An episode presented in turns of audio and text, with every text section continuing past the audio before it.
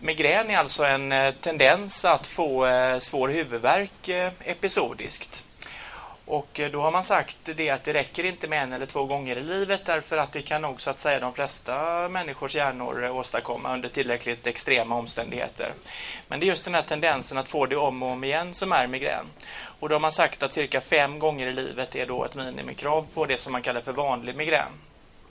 Sen så finns det ju mer speciella former som man förr kallade för klassisk migrän. Och det är ju ganska då, dåligt uttryckt då, vanlig och klassisk. Vad, vad går skillnaden? Idag säger man egentligen då migrän utan aura, det är det vanliga, och migrän med aura, det är det klassiska då. Och om man då har migrän med aura så räcker det med två gånger i livet. Aura eh, ska vi komma tillbaks till om en liten stund. Men jag tänkte först berätta om det som de flesta tycker är det värsta med anfallet och det är då själva huvudvärken. Det är liksom själva eh, ja, bottennappet då under ett migränanfall. Och den kännetecknet utav vissa saker. Det är inte alla som har alla de här sakerna, men väldigt vanligt är att det rör sig om en ensidig huvudvärk. Att den till exempel bara sitter eh, i ena huvudhalvan. Hos barn är det i och för sig oftast dubbelsidigt, men hos eh, de flesta vuxna så är det då på ena sidan. Det kan sedan växla sida då under anfallen eller mellan anfallen. Ett fåtal har det alltid på samma sida.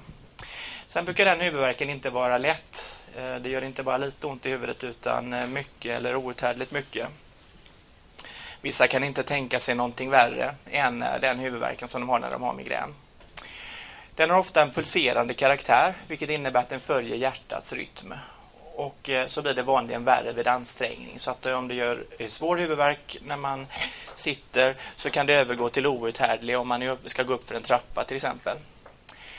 Så är själva huvudvärken och det är många som nickar förstående här, tyvärr då får man väl säga. Och de flesta som inte har det själva kanske i alla fall kan hitta någon arbetskamrat eller släkting med det. Det är ju en riktig folksjukdom det här. Sen då så är det inte bara ont i huvudet utan man är överkänslig mot saker också när man har det. Överkänslig mot alla inkommande stimuli utifrån. Det kan vara till exempel ljus och ljud. Det är det mest kända. Men också lukter. Och då kan det till exempel vara svårt att skilja då en utlösande faktor från att det då i själva verket har rullat igång anfallet och att man därför är känslig för till exempel parfymdoft som alla andra tycker luktar så gott. Eh, sen kan man vara känslig för att röra på sig. Så att om jag bara hinner och frågar folk om de har eh, rörelsesjuka, till exempel åksjuka eller eh, eh man är sjuk på, på båten, vad det nu heter, sjösjuk eller sjuk på Liseberg när man åker eh, till tekopparna där. Då säger de flesta att ja, det känner jag igen, men det har lugnat sig lite med åren. Eller jag åker inte så mycket, eh, eh vad det nu heter. Där har vi i alla fall själva migränanfallet och det kan vara väldigt olika länge. Vissa har det bara några timmar, särskilt barn. Eh, sedan när man är vuxen så blir det van, i snitt ett dygn kunde vi se när vi gjorde en studie på det här. Tyvärr så kan det ofta hålla på i flera dygn och ibland uppemot en vecka. Då kallas det för status migrenosus. Snittet i Sverige är att man har drygt ett sånt här anfall i månaden. Så det är ganska mycket som ni hör. Men de som kommer till oss på Cefalia huvudvärkscentrum där jag jobbar, de har eh, ofta migranoid huvudvärk varje dag. Och om man då räknar på hur mycket tid av meningsfullt liv som går åt där så är det väldigt, väldigt mycket. Och då hamnar plötsligt svår migrän hamnar i samma kategori av handikappsgrad som eh, svår psykiatrisk sjukdom, underbensamputation eller någonting annat. Det är bara det att det är så jäkla svårt att se det på folk. Man går inte liksom runt med ett stort plåster i pannan. Och det, utan, det, utan snarare så är det så här att det tyngs ner av gamla fördomar som att det liksom är att man gör sig till eller man är överkänslig och sådär. Och ja, man är ju överkänslig men det är oftast genetiskt orsakat och ingenting som man som gör för att utnyttja. Och där finns det tyvärr fortfarande ett stort utrymme för att åstadkomma en bättre förståelse i samhället om detta. Och där, eh, en viktig eh, medspelare där är ju patientföreningen Migränförbundet som jag kan rekommendera. Deras hemsida är migran.org. Migran.org. Så hittar ni dem. Ja, så där kände jag, och, och, och var åttonde vuxen svensk har det och det är väl därför som eh, de säger här som jobbar att det var ovanligt många här idag tror jag. Ja, och det är roligt. Eh, eller ja, det är det ju inte då, men ni förstår vad jag menar. Ja. och där tänkte jag, där var det liksom det obligatoriska introt klart. Så nu är min fråga till er, vad vill ni höra nu då om det här? För jag kan prata i en vecka om det, men vad är mest intressant? Ge mig några exempel. Där har Nya forskningsrön, ja men precis, för det heter ju föreläsningen, eller hur? Ja. ja, och då heter det till och med nya behandlingsmöjligheter. Ja. Och då kan man säga då att behandlingen av migrän kan ju delas in i tre bitar. Det ena är, och viktigaste tycker jag alltid, det är hur man kan göra för att eh, undvika anfallen och inte ens behöva mediciner, alltså förebyggande insatser utan medicin. Det, kan, det tänkte jag säga, berätta om. Sen så får man ibland anfallen ändå, till exempel för att man har menstruation eller chansade på att ta ett glas rödvin. Då är det kört. Då måste man då ha en akut medicin för att bryta det. Och Det kan jag berätta lite grann också om vad, vad man nu håller på att pröva ut här. Och sen det sista då, en nödlösning tycker jag egentligen, det är då förebyggande medicin. Och det innebär att man minst en gång om dagen måste ta läkemedel för att inte få det jämt. Och det tycker många patienter låter ganska jobbigt och det har bara ungefär 6% av svenskar med migrän. Tyvärr väldigt många av mina patienter då. Det ligger i sakens natur. Men om man börjar med det där allra första då. Vad, vad, är, vad är nytt nu då? Vad är forskningsfronten när det gäller vad man kan göra utan läkemedel? Och eh, då är det faktiskt så här att det nya är inte alltid det bästa. Eh, utan det finns gamla väl beprövade saker som till exempel avslappningsträning och samtal om stress. Det är väldigt få som har gjort det seriöst. De tycker de har gjort det därför att de har gått på qigong eller gått på något annat från, från Ostasien. Men att prata om liksom vilka dagar man får migränen och vad, hur man skulle ha kunnat undvika det, det är, tycker jag, nytt då för att det görs så sällan.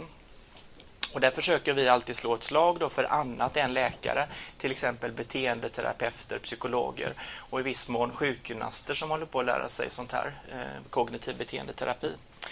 Själva har vi valt att titta på nästan motsatsen, konditionsträning. Så det pågår nu flera studier här i Göteborg där vi eh, då, som ni kanske har sett, annonserar efter personer som har migrän, för mycket migrän, men som inte tränar utan snarare är helt otränade. För vi har sett ett samband i en stor epidemiologisk undersökning där vi ser att ju värre migrän desto mindre rör man på sig. Och det är kanske inte så konstigt, tänker ni, eftersom det gör ju ont i huvudet när man rör sig. Visst, det kan vara så. Eller är det tvärtom? Är det för att man är en eh, så att säga fysiskt immobil människa som, och att det är därför man har mycket migrän? Vi vet inte. Vi vet bara att det är viktigt att röra på sig, för då stärker man skelettet och man mår ofta lite bättre. Så det pågår en studie då för att se detta och det vi ser så far bland dessa människorna som är jättetappra och sätter igång och tränar med min sjukgymnast det är att de får eh, bättre livskvalitet och bättre kondition. Och det är ju inte så illa det.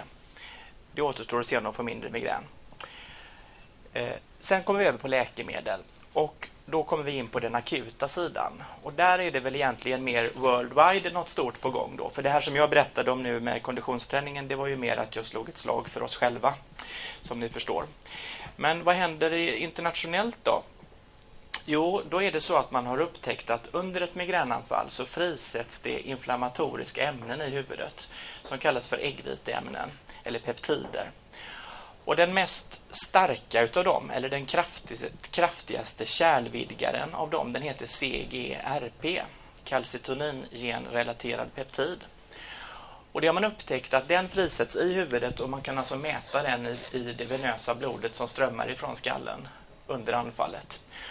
Det märkte man redan 91, så det, det är gammalt känt. Och det, det var faktiskt en professor som svensk, Rolf Ekman, som var med och gjorde de studierna. Han är professor emeritus idag här på universitetet. All right. Sen har det tagit en herrans massa år att utveckla hämmare av det ämnet, antagonister som det heter. Och en antagonist den sätter sig på de receptorerna där det här CGRP skulle utöva sin effekt. Okej, så man hittat de antagonisterna, sen så ska det då göra att försöksdjur, eh, så ska försöksdjur tåla det och sen så ska, man, ska människa tåla det och, och dit har man kommit och nu är nästa steg då, hjälper det mot migrän? Och det vet vi inte än därför att de studierna pågår över hela världen. Men här i Sverige är det i stort sett bara Göteborg som inkluderar patienter i de studierna. Det är Cefalia huvudvärkscentrum och migränkliniken. Jag tror vi gör 70 procent av, av, av det där jobbet som görs här i Sverige. Och eh, jag kan inte säga någonting därför att det är en så kallad blind studie så att jag vet helt enkelt inte och skulle jag veta så skulle jag inte få berätta det för då ger ju det en placeboeffekt. Men vi hoppas såklart att det här ska bli en revolution. Vi hoppas på det. Och eh, det verkar inte som att de här medicinerna har samma biverkningsprofil heller som, som de andra som inte längre är så jädra nya då därför att de är från 91. Så det var det. Ja. Tas en sån eh, när man känner att migränen är på gång? Eller? Ja. Det är tänkt som en akut behandling. Så att det är en väldigt konstig studie. Den ena studien som avslutas nu här senare i veckan, då, då fick, får patienten med sig en stor burk och där i så skramlar det runt eh, ett piller. Och så får de ta det då, ett anfall och sen eh, ska vi träffas och så är studien klar. Så det är, och det är mycket pappersarbete och, och sådär. Va? Så man, man verkligen beundrar eh, dels folk som vågar ställa upp i det. Och det eller ja, så får jag inte säga, utan vill ni vara med så kom till mig. Så det är det jag menar. Ehm, nej, men det jag menar med vågar, det är ju det att de vet ju inte om den hjälper. Och det är alltid plågsamt att inte veta det, att man kan bryta sitt anfall. Så, eh, men här är det så att man får ta medicin, sin vanliga medicin inom två timmar om det inte har hjälpt. Man får i och för sig göra vad man vill när man är med i en studie men, men om det ska vara användbara resultat så, så är, är det så. Mm.